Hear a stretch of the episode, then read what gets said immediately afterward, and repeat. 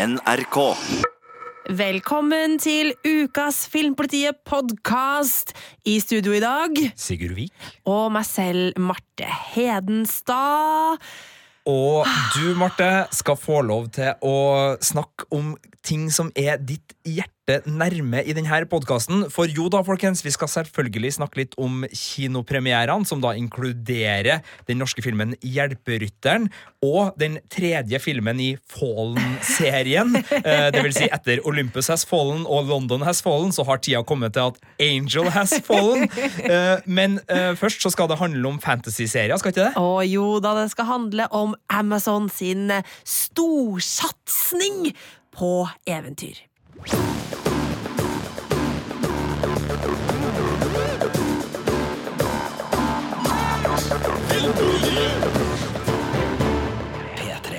For Amazon har jo en sjef som elsker fantasy-sjangeren, Sigurd. El Jeff Bezos. Ja da, han Jeff! Ja. Han er glad i fantasy, og det er jo sånn i eh, TV-serielandskapet om dagen at du må ha en fantasy-serie på eh, plakaten hvis du virkelig skal være med og, og kjempe om eh, strømmekundene. Og eh, HBO har jo liksom leda an i det her, hatt Game of Thrones og har His Dark Materials på vei og, og kjører litt på. Netflix kommer med The Witcher senere i år. Eh, har uh, småsnubla litt med litt sånn Marco Polo, Altså, Marco ja. Polo eh, tidligere, men, men de driver og, og, og jobber med saken. Men det er jo Amazon som virkelig har uh, samla det, det, det vi antar kan bli det sterkeste laget. De skal lage Ringenes herre-TV-serie. De skal lage TV-serie av The Wheel of Time, og derfor så var vi kjempespent, fordi uh, Hvilket budsjett har liksom Amazon lagt seg på? Hvilken stil kommer de, til, kommer de til å ta det her på alvor? Og det første liksom, svaret, eller den første indikasjonen, får vi da nå på fredag, da deres første fantasyserie, Carnival Row, eh, kommer på strømmetjenesten.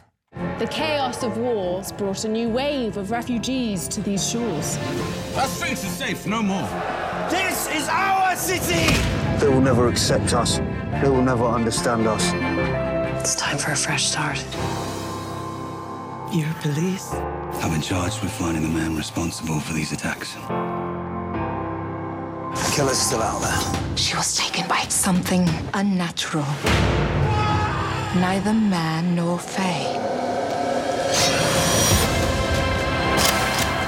Yes, yes, yes, bring me the eventyr. Bring me the eventyr. Men uh, hvorfor er Carnival Row en fantasyserie? Kan vi bare starte der, Marte? Eh, Jo, altså, uh, vi hører jo at det er en del immigranter som flommer over denne byen som kalles for The Burg. Eh, og disse immigrantene, de er jo da alver. De er fauner og kentaurer, for å nevne noe. Ja, så det her er eventyr blanda med en sånn litt sånn Jack the Ripper-aktig morderjakt. Yes. Satt til et slags viktoriansk London-aktig sted. Ja. Med Orlando Bloom og Carla Cara Delevi... Altså, det navnet hennes er altså så vanskelig. Delevigne. Yes. Uh, og det er da uh, Amazon sin eh, ikke aller første, fordi Good Omens, uh, som kom litt tidligere i år, Ja. var liksom kanskje den første fantasy-serien vi så, med, men det var mer en sånn religionskritisk fantasyserie Ja. hvor uh, verden var ganske lik vår egen, selv om det var engel og demon og himmelen mot helvete. Ja, Ganske episke greier, egentlig. da Men, men den, den funka, Uh, og så var vi enda mer spent da når Amazon skulle lage den her, fordi nå føler vi at vi kanskje får en indikasjon på hvor Amazon legger lista for sine fantasyserier. Altså, legger dem en sammen med typ sånn The Magicians og, og litt sånn Legacy, som er gode serier, men som kanskje har litt eh, lavere budsjett og litt Ja. lavere produksjonsverdi? Yes. Eller går de opp mot liksom eh, det litt mer classy HBO-aktige altså Kanskje ikke Game of Thrones, for det er jo eh, Verdens dyreste TV-serie. ikke sant? Ja. Men at de, at de liksom går for noe som ser stilig ut. Og Ja. du har nå sett hele sesong én av Carnival Row. Ja. Hva er Hva, hva, hva føler du nå, Marte Altså, Stenstad? jeg føler altså en sånn dyp lettelse. Eh, og det er lettelse eh, fordi det her ser altså skikkelig, skikkelig bra ut. Eh, det er veldig tydelig at Amazon har gidda å putta de pengene som trengs inn i det her for å lage en verden som er troverdig. Altså denne byen The Burg det, det virker som et ekte sted. Eh, altså Kulisser og alt ser utrolig troverdig ut. Eh, det føles ut som at du går i eh, London på 1800-tallet, liksom. Eh, med litt steampunk-elementer eh, så videre. Eh, men det viktigste av alt er at det ikke er en overdreven bruk av eh, datagenerert grafikk, eh, CGI. Eh, og når det brukes CGI, så brukes det på en god måte, og det ser bra ut. Det ser realistisk ut. Ja, eh, Vi er jo veldig glad i practical effects eh, her i Filmpolitiet. Og det er det masse av i denne serien. Det er det, ja. Ja. Fordi Den enkleste måten å, å, å beskrive uh, hva vi liker og ikke liker der, er jo å bruke det største fantasyverket av dem alle, Ringenes herre, ø, versus Hobbiten på film. Å, jeg blir så Fordi Ringenes herre på film, helt nydelig, masse praktiske effekter. Altså håndlaga Statister i kostyme og masker. Lær du ser er lær. eh, piler du får tekstur av eh, Nei, du får ikke tekstur av pilene. Hvorfor sier jeg sånne Nei, ting? jo, men, men, du altså, ser jo, teksturen i, bil, i pilene. pilene. Det er inngravert alvisk skrift på eh, hver eneste alvepil i Ringenes herre-filmene. Ja. Hver eneste alvefilm. Ja. Hver eneste ring på ringbrynjen er en metallring. Altså, det, detaljnivået er helt enormt. Mens i Hobbiten, som kom eh, flere år senere, og på sett og vis burde kanskje da se enda bedre ut, eh, der havna vi i et sånt uh, ja, effekt, CGI-helvete. effektgjørmeaktig land hvor alt føltes fake. Ja. Eh, men det føles ikke fake, da, skjønner Nei, det føles du- ikke fake, og det er det som gjør meg så letta. Fordi sånn som for eksempel disse faunene, eh, som det er mange av eh, i denne byen. eh, Hvordan ser en faun ut, bare En minn faun er halvt menneske, halvt geit. Altså, du har geite, to geitebein eh, med en menneskekropp oppå, men du har òg horn.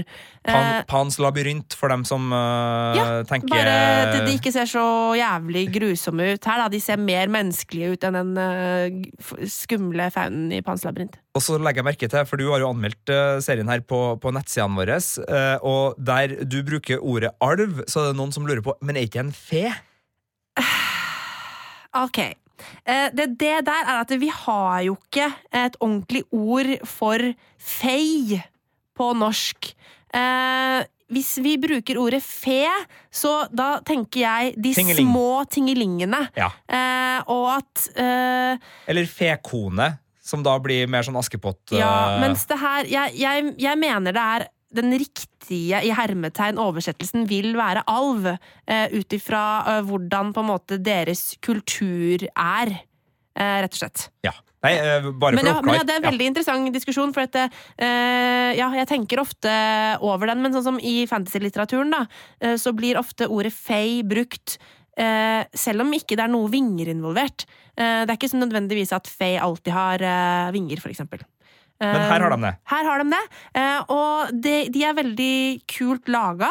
Eh, det er jo da Cara Delevin som spiller en eh, alv i dette universet. Eh, og når hun bare går rundt, så henger vingene ned eh, på ryggen hennes. Eh, helt sånn slappe. De ser litt sånn, nesten litt ut som de er lagd av en type sølvaktig skinn, på en måte. Tynt, tynt sølvaktig skinn. Men med en gang hun selvfølgelig flyr med dem, så er det jo CGI. Eh, og da ser det Det ser veldig fint ut, altså.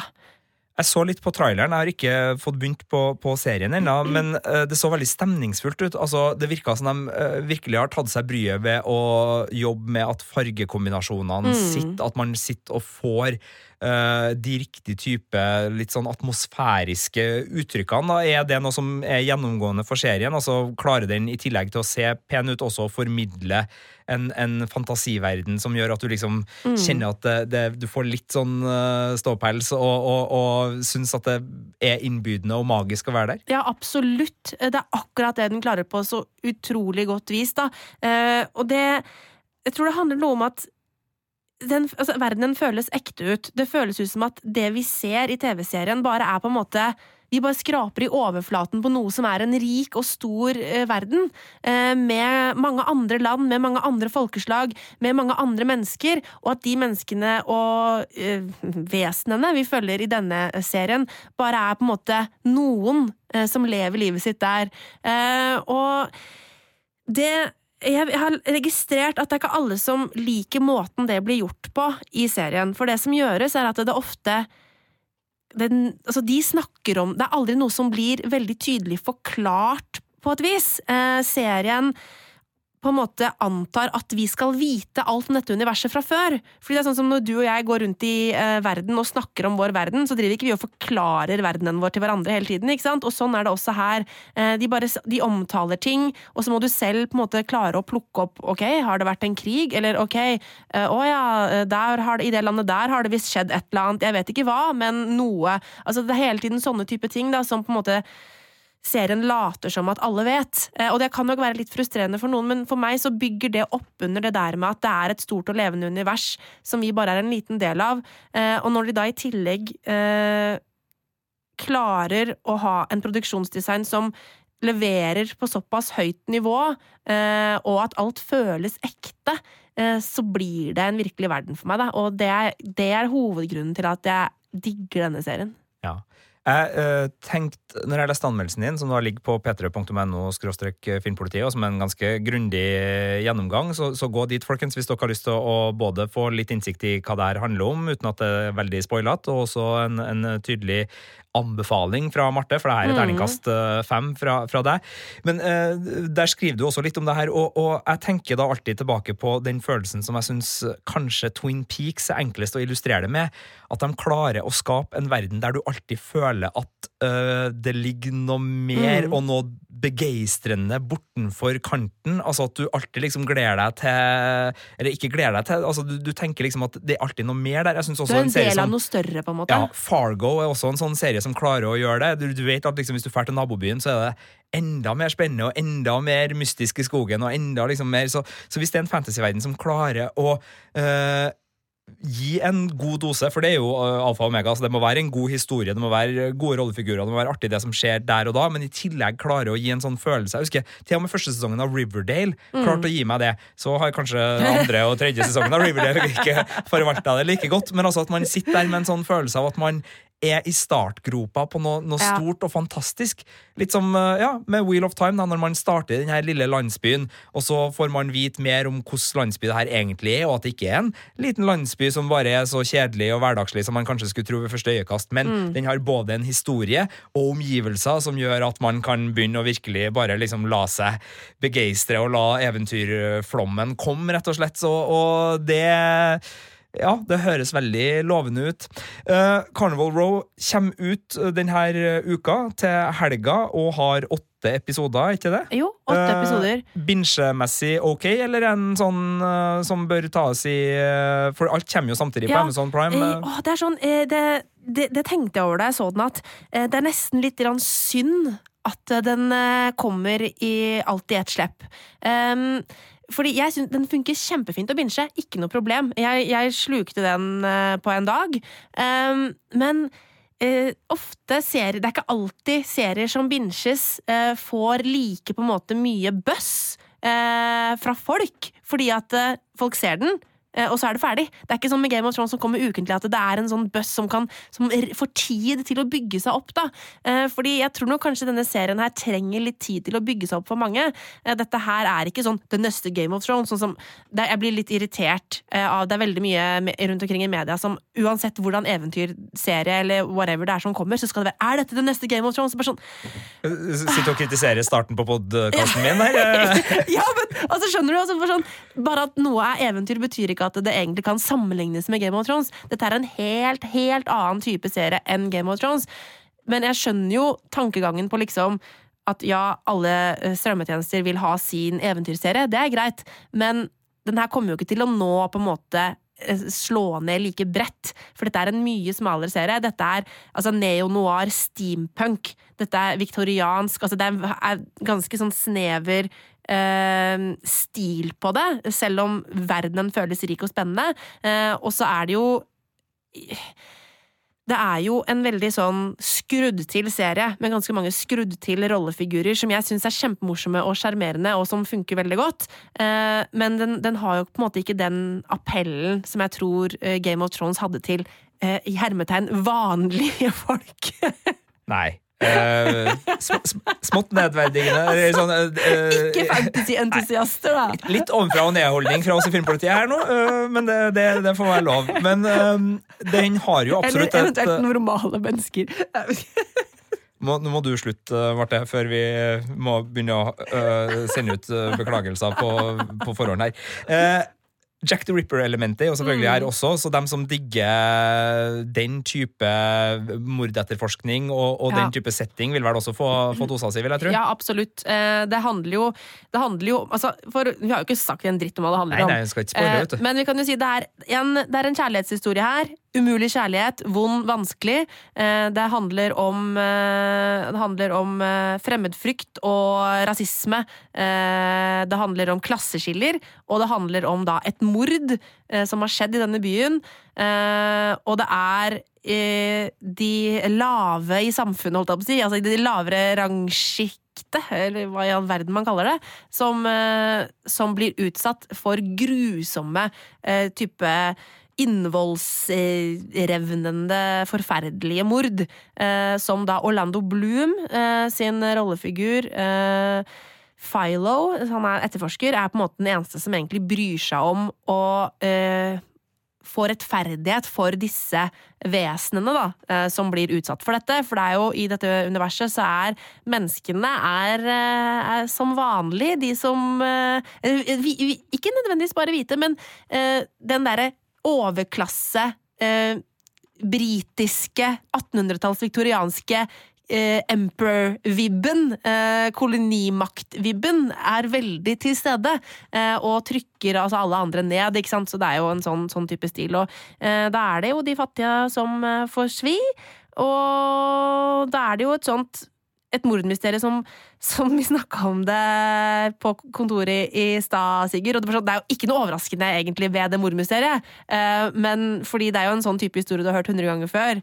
Eh, men likevel, så det går helt fint. Selv om det er veldig mye som Det er ingenting som er nytt i Carnival Row. Den spiller på veldig kjente troper på, altså, på alle sånne sjangergreier gjennom hele greia, men det går helt greit fordi at den tar seg tida til å bygge opp rollefigurene skikkelig, eh, sånn at du blir glad i dem, du bryr deg skikkelig om hvordan det går med dem, eh, og det er veldig gode skuespillere. Eh, det er sære, rare, fine, fæle rollefigurer som på en måte fanger interessen din, da.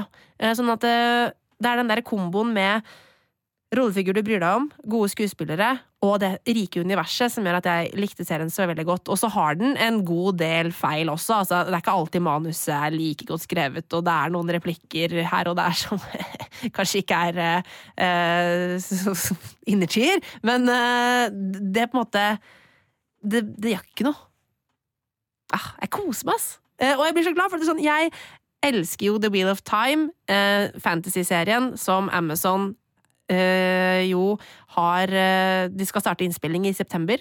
Eh, og det har vært min store frykt, fordi bare sånn, ja, ok, vi har fått Game of Thrones fra HBO, men det er ikke så mye på en måte synlig visuell magi eh, utenom drakene. men liksom sånn Jeg har vært veldig engstelig for hvordan The Wheel of Time skal se ut, fordi jeg, i hodet mitt så må det være en god del CGI med inn i bildet. Um, og når jeg nå da på en måte ser at uh, Amazon Prime putter såpass mye penger inn i Carnival Row som de antageligvis har gjort, siden det ser så bra ut, så på en måte puster jeg veldig sånn lettet ut, da. Ja, og én ting er jo penger, det er jo en veldig sånn enkel måte å måle på, men det er jo tydelig at de også har tilknytta seg de riktige folkene. Mm. Yes. Uh, og det er jo kanskje det viktigste, og, og det har vi jo sett på de navnene som har dukka opp både i um, um, Wheel of Time, uh, altså tidshjulet-universet, men ikke minst Ringenes herre-universet, Mm. Ja, ja, ja. som jeg må si og det her er ikke for å være frekk, Nei, nei, Marte. nei, jeg jeg har også kosa meg med, med Wheel of Time, og vi skal lage spesialpodkaster om både Ringenes herre og Wheel of Time-seriene framover, så, så nerder Men grunnen til at jeg ikke er nervøs for Lotter, er fordi at det er Lotter. Ja. Du fucker ikke opp Lotter. Du, Nei, du putter men det er jo, det er jo altså- den som blir liksom den store Det er jo den jeg er skikkelig Ja, spent på. selvfølgelig, men der er jeg ikke noe nervøs for at det skal bli dårlig. Nei, jeg er ikke nervøs jo- for at det skal bli Woo Assassin på Netflix. Som eh, Netflix. Fuckings skjerp dere! Det der er det dårligste CGI-helvete jeg har sett in my life. anyway. Hvis The Wheel of Time hadde blitt The Woo Assassin på Netflix, da hadde jeg Du er ikke trygg ennå, Marte.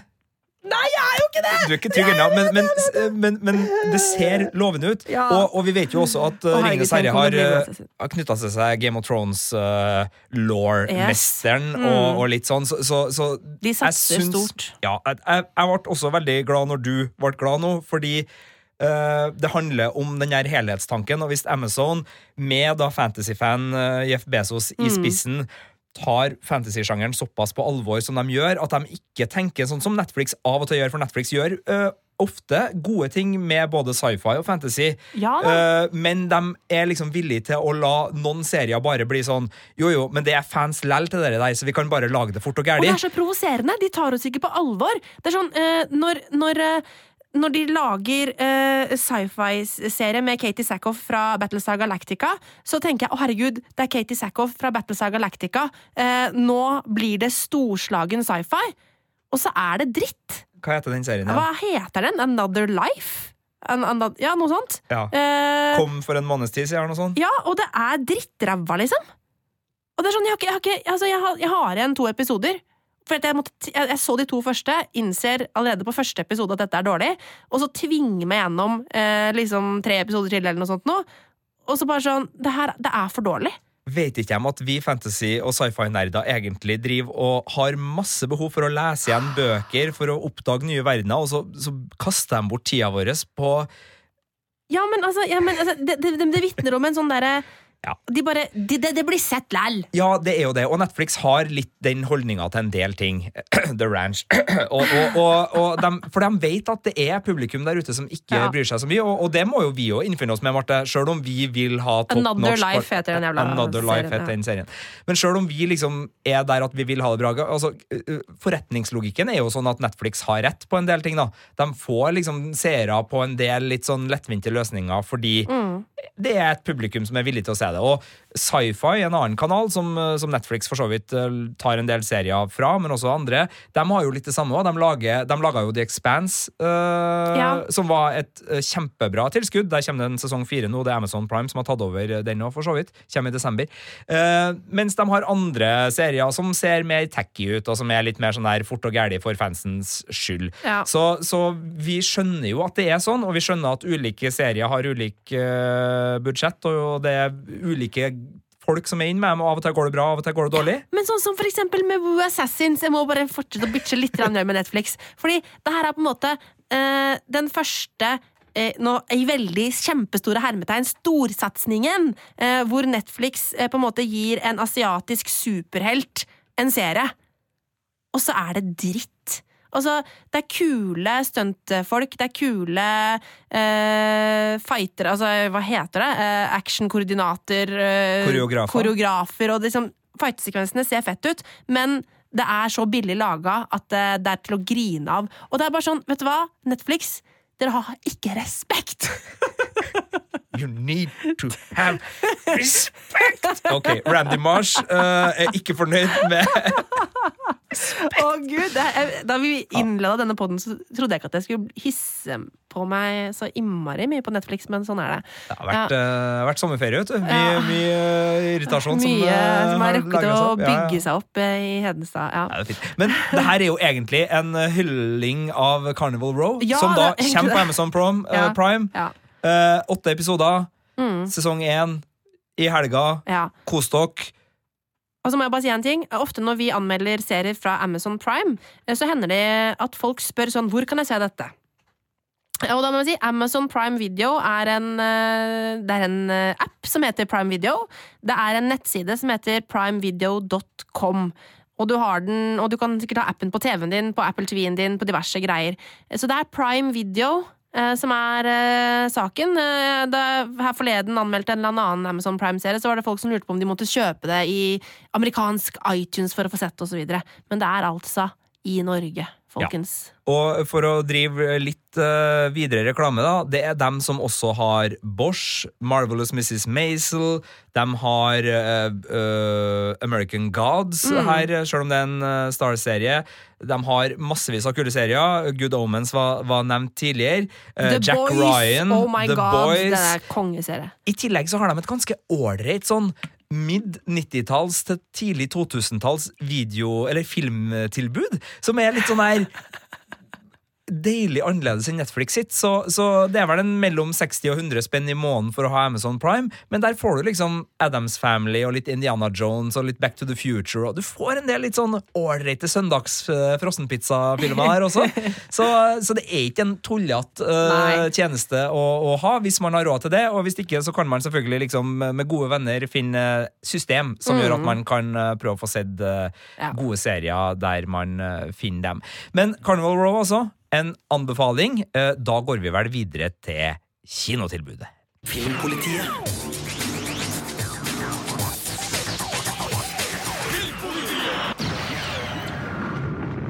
Du har vært på actionfest. Eh, liker jeg å kalle det, Sigurd. Ja. Eh, Denne uka er det en eh, premiere på en actionfilm som er nummer tre i rekka. Eh, og den rekka består da av Olympus Has Fallen, som da var første film ut. Eh, og så kom London Has Fallen, eh, og nå har da Angel Has Fallen eh, kommet til norsk kino.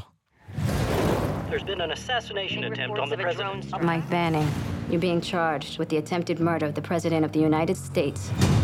The president's top guardian angel has fallen. Can't you see that I'm being set up? Å, dette hører jeg ut fra lydklippet at er en historie jeg har hørt mange ganger før. Ja, eh, altså Gjenbruksfaktoren er, er skyhøy eh, når eh, Fallen-seriens tredje film nok en gang smeller ei skyteskive på den amerikanske presidenten og pøser på med militærtrente skurker. Og det er da Gerard Butler i rollen som Secret Service-agent Mike Banning, som da igjen er vår mann. Men denne gangen, da, i motsetning til de to foregående filmene, hvor han på en måte bare har vært sånn eh, den eneste mannen til jobben og rett mann til rett tid osv. I sånn god sånn Die Hard-vib. Og, og Olympus S. Wallen er jo egentlig Die Hard i Det hvite hus, eh, som Birger Vestmo, vår kjære kollega, så fint eh, sa den gang den kom. Eh, men denne gangen så er det 90-tallets konspirasjonstrillere av typen Jaget, uh, Enemy of the State, US Marshals, som uh, da uh, sendte eh, henholdsvis Will Smith, Wesley Snipes og Harrison Ford ut på lignende oppdrag som Gerard Butler må her, fordi han blir da anklaga for å være den som prøver å drepe presidenten. FBI finner massevis av bevis på at det er han som står bak attentatforsøk, Oh. og han må da på flukt i USA, eh, både for å renvaske seg og eh, finne ut hvem det er egentlig som driver og står bak det her, sånn at han kan redde både presidenten og verdensfreden, selvfølgelig. Det her høres jo ut som en kjempemorsom film. Jo, altså, det, det er jo ikke den mest sånn humørfylte serien i utgangspunktet. Det er altså Jared Butler er en litt sånn traust uh, actionskuespiller. Han er kjekk, og, og, og han er slagkraftig og alt det er der. morsk. Han er morsk Ja. og, og barsk og alt det der, men han han er jo liksom ikke Han er jo ikke Eddie Murphy på 80-tallet. eller Bruce Willis på 80-tallet. Altså, han-. Eller Will Smith på 90-tallet. Altså, han, han, han har ikke den karismaen å lene seg på. Så, så toppnivået til Fallen-serien er aldri helt oppe altså, i, i Eliteserien. Men her er jo Morgan Freeman med som president. Nick Nolte gjør en eh, helt fantastisk rollefigur. Altså den gamle actionhelten eh, Nick Nolte, som spilte, eller Nick Nolte, som spilte blant annet i 48 timer-filmene sammen med Eddie Murphy da de var sånn buddycop-duo. Han, han er en sånn herlig sånn her, du vet, sånn eh, paranoid eks-militær off the grid-fyr som bor i skogen. Eh, For der, for der, ok, jeg må bare si da altså, Angel Has Fallen er på sitt beste når uh, Butler er på flukt. Ja. Og da er det i West Virginia sine skoger, der han uh, henger med litt sånne off the grid, litt sånn eh, storebror ser deg, så jeg har valgt å, å isolere meg og, og fiksa min egen verden-type folk. Der har USA en ganske sånn rik mytologi, fra liksom Unabomber i ene enden av spekteret til litt mer sånn uh, shoot Altså den her rollefiguren som både Mark Wahlberg og andre har spilt i den her eh, Mm. Shooter, ja. og, og den tilsvarende serien. Altså At det er mer bare sånn leve et tilbaketrukkent liv. Og Nick Nolte sin rollefigur er en litt sånn blanding. Han har posttraumatiske lidelser etter både Ja, det er i hvert fall Vietnamkrigen. Uh, og har vært tunnelrotte og sånn ranger. Og, og er liksom supertrent og, og, og har liksom sine demoner fra den tida. Samtidig som han er liksom litt sånn eh, samfunnsskeptisk eh, til liksom overvåkningssystem. Og, så han han er litt av alt. Da, så de har liksom sydd sammen en ganske kul type, da, og en veldig skjeggete Nick Nolte gjør at jeg kosa meg veldig i den delen av filmen. da, Så er det jo dessverre sånn at manuset her har ikke de overraskelsene og plottvriene som de beste filmene i denne sjangeren har, som gjør at du liksom får det der hakesleppet sånn Å, var det var det han? Var det hun? Var det dem? Eh, du er liksom sånn Du sitter der de første fem minuttene og så er det sånn Skurk, skurk. Og det er derfor. Og så når rulleteksten kommer, så var det sånn Det Ja, det var var riktig, det. det var riktig, og det var riktig. Men uh, du får solid action underveis. Uh, blir ikke noe actionfest uten kevlarvest, som de sier i Trøndelag. Eh, og det er da veldig mye kevlarvest og, og saktefilm og skuddrunder fra både rifler og pistoler og det som er. Eh, men ja, ok, det er selvfølgelig lett å gjøre narr av Angel Has Fallen. Den er patriotisk og, og svulstig og alt det der. Men jeg likte den ganske godt. Og så er det faktisk en aim av sånn antikrigsfilm her, fordi det er en veldig sånn tydelig motstand i filmen mot både sånn politisk krigshisseri i eh, amerikansk politikk, og mot ikke minst da privatisering av militærtjenester, som er en, en gjennomgangsmelodi i flere både TV-serier og, og filmer om dagen, for det er jo en utfordring som er aktuell i USA. Eh, og her får også dem gjennomgå ganske kraftig når det gjelder budskap i filmen. Så, så den er for gladvoldelig til å si at den er en antikrigsfilm, sånn, eh, sånn som eksempel den første Rambo-filmen er det, eller Apokalypse nå Mm. er det, eller sånne ting. Men, men den har et, et overraskende tydelig budskap i den retningen, da, som også er for meg en, en gledelig greie. Ikke nødvendigvis eh, fordi at eh, Ja, for det blir ikke påtatt. Jo, det Altså, det blir jo det. Eh, I en sånn her type film. Så, men det er overraskende lite påtatt. Ok, ja. Kan du slutte å stille det kritiske spørsmål til at jeg driver og gir Angela Follen terningkast fire, Marte? Fordi det er for så vidt en treerfilm, men den får fire for at det her er en uh, god underholdningsrunde i, i denne sjangeren. Og det gjør at alle Follen-filmene faktisk har fått terningkast fire av uh, Filmpolitiet. Er Birger ga fire til begge de to foregående. Jeg er kanskje ikke ja, det er skummelt å si, men jeg er kanskje ikke helt enig i at forrige film, altså London Has Fallen, fortjener en firer. Den er kanskje et hakk under på min. eh, Men jeg mener at eh, Angel Has Fallen er i hvert fall like god som eh, første filmen, og fordi jeg er så glad i jaget US Marshals, som da for så vidt har Tommy Lee Jones i, i en overlappende rolle, og Enemy of the State og den type filmer, så blir det her absolutt en, en liten sånn En anbefaling for dem. Altså, dere som vet, dere vet. Altså, og den ja. her er anbefalt til dere. Jeg fikk lyst til å se Enemy of the State igjen. Denne Ja. skal jeg sjekke om ligger i, den i. Amazon Prime, liksom. For den det er sånn typisk film som kan ligge der. Den kan ligge der, Ja. men, og, og den er bedre. Altså, Jaget er bedre, US Marshals er bedre, Enemy of the State er bedre. Men Angel Has Fallen er ikke så verst. Filmpolitiet.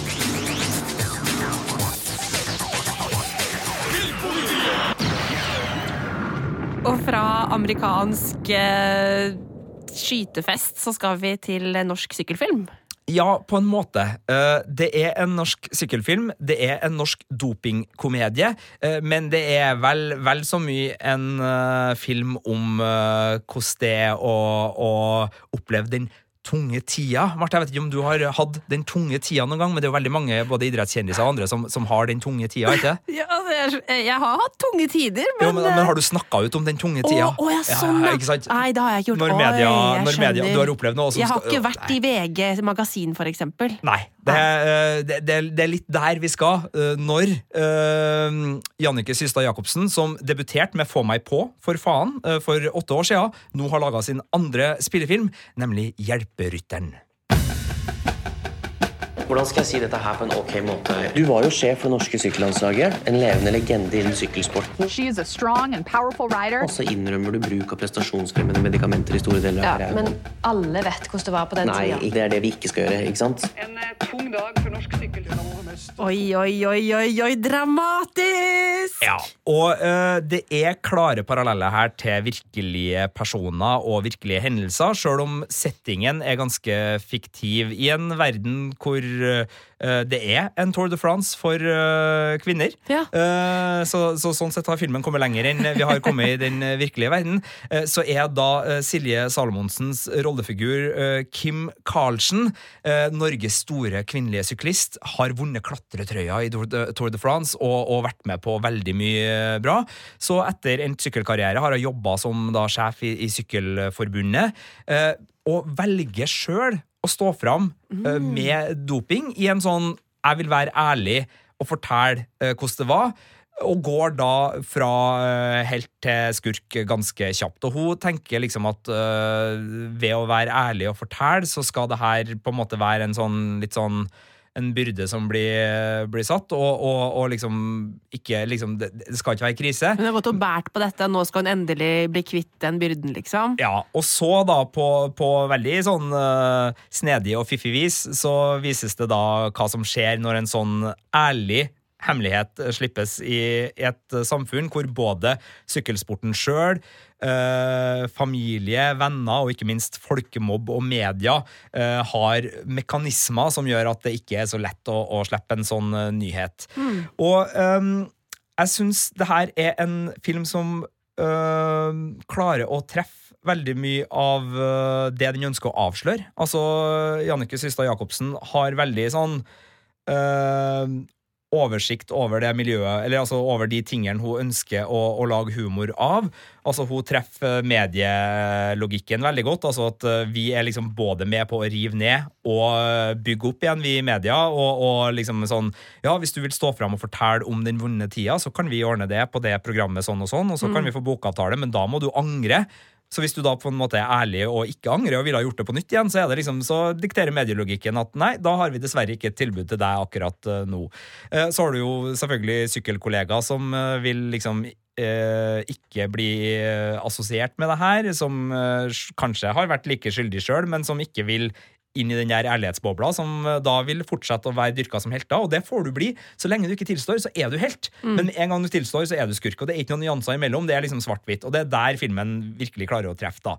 Uh, og ikke minst familiemedlemmer som har liksom vært med og visst ganske mye hele veien, men som liksom nå føler at ting har endra seg. Altså, det er blant annet en ektemann her som spilles helt, eh, helt nydelig veikt, eh, og, og som viser liksom den her moderne mangelen på, på sjølinnsikt og, og egoisme på, på helt fortreffelig vis. Og så lekes det med fiksjonselementer. Det er liksom drømmelogikk her, det er drømmesekvenser, det er et lydspor som leker veldig.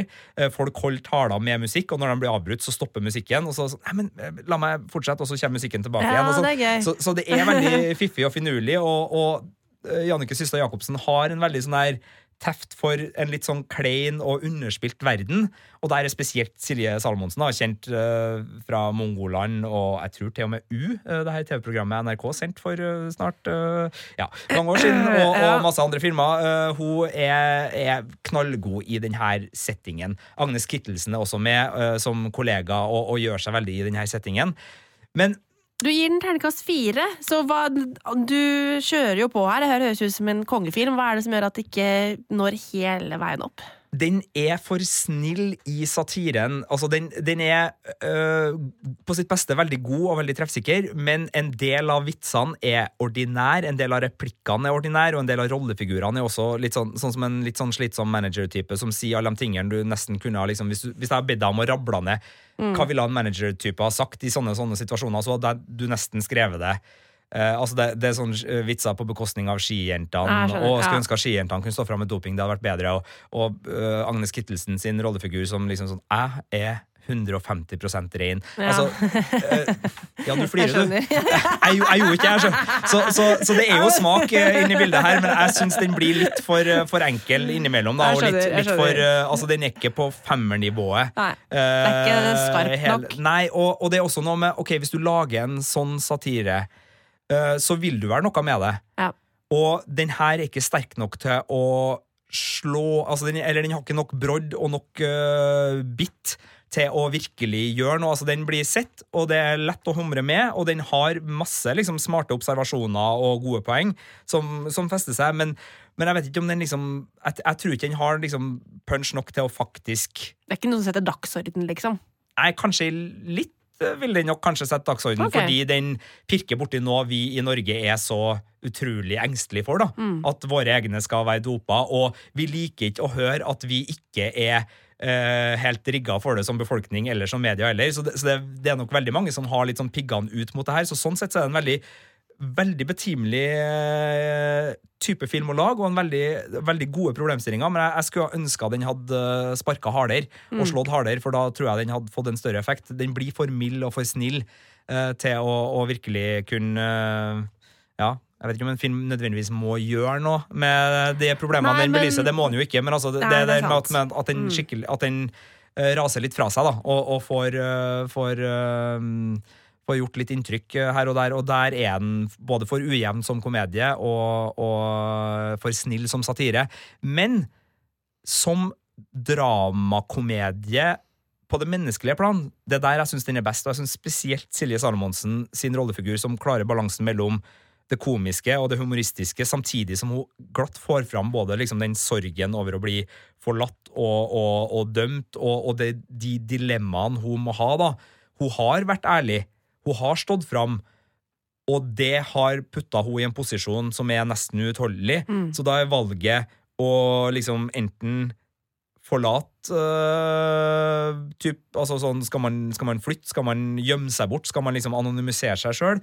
Eller skal man gå med på liksom media og, og folkemobbens og bransjen og managerens prinsipp om at hvis du står fram med den tunge tida, så har vi en kontrakt til deg, du må bare skrive under på at du angrer her. Så har vi liksom en vei videre for deg, men da må du liksom Da må du selge sjela di. liksom. di. Mm. Så, så der er filmen god. Og det er uavhengig av sykkel eh, og doping, egentlig. Altså der, der er den bare utrolig god på å, å skildre mennesker. Så uh, den er litt Uh, alternativ. Den tør å gå egne veier, og jeg applauderer det. Samtidig som jeg, uh, jeg tror nok at det vil gjøre at en del publikum som er veldig Hollywood-vant, vil føle at det her, det her er ikke en sånn klassisk satire som jeg er vant til å se. Den er, den er hakket mer eh, søkende enn en som så. Og så ja, hvis man er nysgjerrig på, på norsk kinofilm og, og syns at Jannicke Systad Jacobsen traff en god tone i Få meg på for faen, så er det her absolutt noe man bør undersøke. Og så er jeg litt streng da og, og havner på fireren, for jeg syns øh, det er en litt sånn, ikke en missed opportunity, uh, men jeg skulle ønske at den filmen her hadde litt mer kraft og ikke var så uh, snill og mild i sin satire. Filmpolitiet! Filmpolitiet. På P3.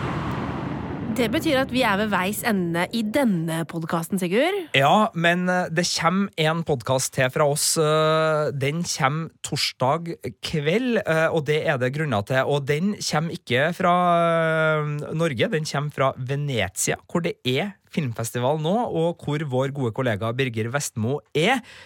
Men han må forholde seg til det litt sånn vi skal være ærlige, det er litt sånn sperrefrister på, på noen filmer han har sett der. Så derfor så venter vi litt med den eh, praten. Men etter klokka ti på torsdag kveld, den 29. august, så blir den tilgjengeliggjort. eh, Og da får man da både en stemningsrapport fra filmfestivalen i Venezia, hvor nå eh, verdens eh, filmelite Nei, ja. Altså, Får jeg si hva det er han eh, Det er, en spesifikk film som, som vi venter på å høre hva han syns om. Kan Ja, ja. jeg få si hva det er? Ja, ja. Det er den nye Brad Pitt-sci-fi-filmen! Den har sperrefrist. Den har sperrefrist, og jeg er så sykt nysgjerrig på den. Så jeg gleder meg skikkelig til å høre hva Birger syns. Altså. Tenk at han, eh, han, ser den, han, han ser den nå, han. Han er på den plassen eh, som alle filminteresserte har lyst til å være eh, for tida. Altså, Ja. Du har Cannes, du har Berlin, men jaggu ta, du har Venezia òg. Og det har jo blitt en av de mest spennende filmfestivalene Mm. eh, de senere årene. Eh, massevis av Oscar-relevans og, og veldig mye. Og nå er jo Netflix der da i, i stor stil og har flere filmer de viser. Eh, det er eh, også superskurkfilmer der. Ja. Eh, En viss Joaquin Phoenix eh, driver og, og gjør litt, eh, og, og det er mye annet å glede seg til. Men det her har Birger full kontroll på, og, og hvis du har lyst til å høre mer der, så sjekk ut den andre uh, podkasten denne uka, for der eh, har Birger da alt du trenger å vite fra filmfestivalen i Venezia. Into